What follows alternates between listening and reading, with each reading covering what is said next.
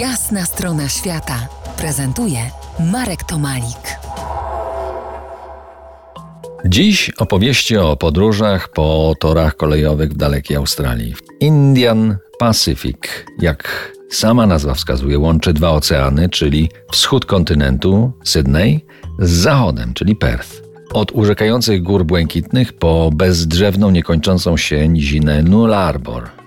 To najdłuższa kolej w Australii, liczy 4352 km, mająca najdłuższy na świecie odcinek 478 km idealnie prostego toru. Trzy dni i trzy noce jazdy, a za oknami kangury, koale i reszta gawiedzi. W czasie postojów zwiedza się m.in. Adelaide oraz pustynne miasto złota Calgary. A teraz jeszcze jedna, choć bardzo krótka trasa. Jedną z najbardziej urokliwych, krótkich tras kolejowych w Australii jest Kuranda Scenic Railway. Z Cairns, kurortu na wschodnim wybrzeżu w sąsiedztwie Rafy Koralowej, kolej wspina się stromo ku górom i lasom deszczowym, które znalazły się na liście Światowego Dziedzictwa UNESCO.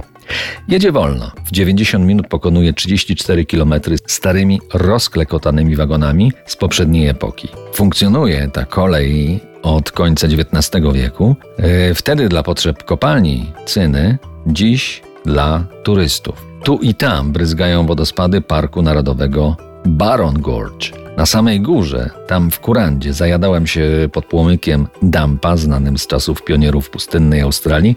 Testowałem miody z okolicznych pasiek, wstąpiłem do australijskiego sanktuarium motyli i snułem wśród targowisk z rękodziełem. Kupiłem tu kapelusz, który służy mi od ponad 20 lat i wróciłem do Cairn z kolejką gondolową Sky Rail Rainforest Cableway przez gęsty deszczowy las. Nieco dalej, w głębi lądu, zrekonstruowano kolejną kolej. Wielokrotnie przejeżdżałem z napędem na cztery koła w jej pobliżu. Jaka to linia?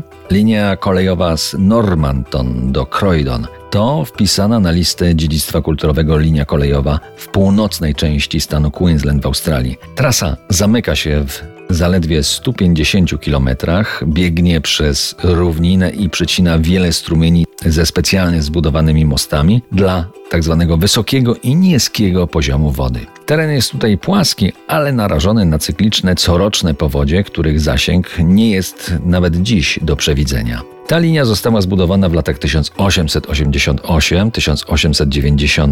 1888-1891 i jest ostatnią z tzw. Tak izolowanych linii kolejowych na obszarze stanu Queensland i jest wciąż w użyciu. Zbudowano innowacyjny system zatapialnych torów z wykorzystaniem stalowych podkładów kolejowych układanych bezpośrednio na ziemi. Drewniane by nie dały rady ze względu nie tylko na powodzie, ale i podtopienia, ale przede wszystkim na niezwykle operatywne termity. Za kilkanaście minut sięgniemy po opowieści o pociągu widmie, który nazwano Tea and Sugar Train. Moim gościem będzie redaktor Australian Geographic Jack Różycki.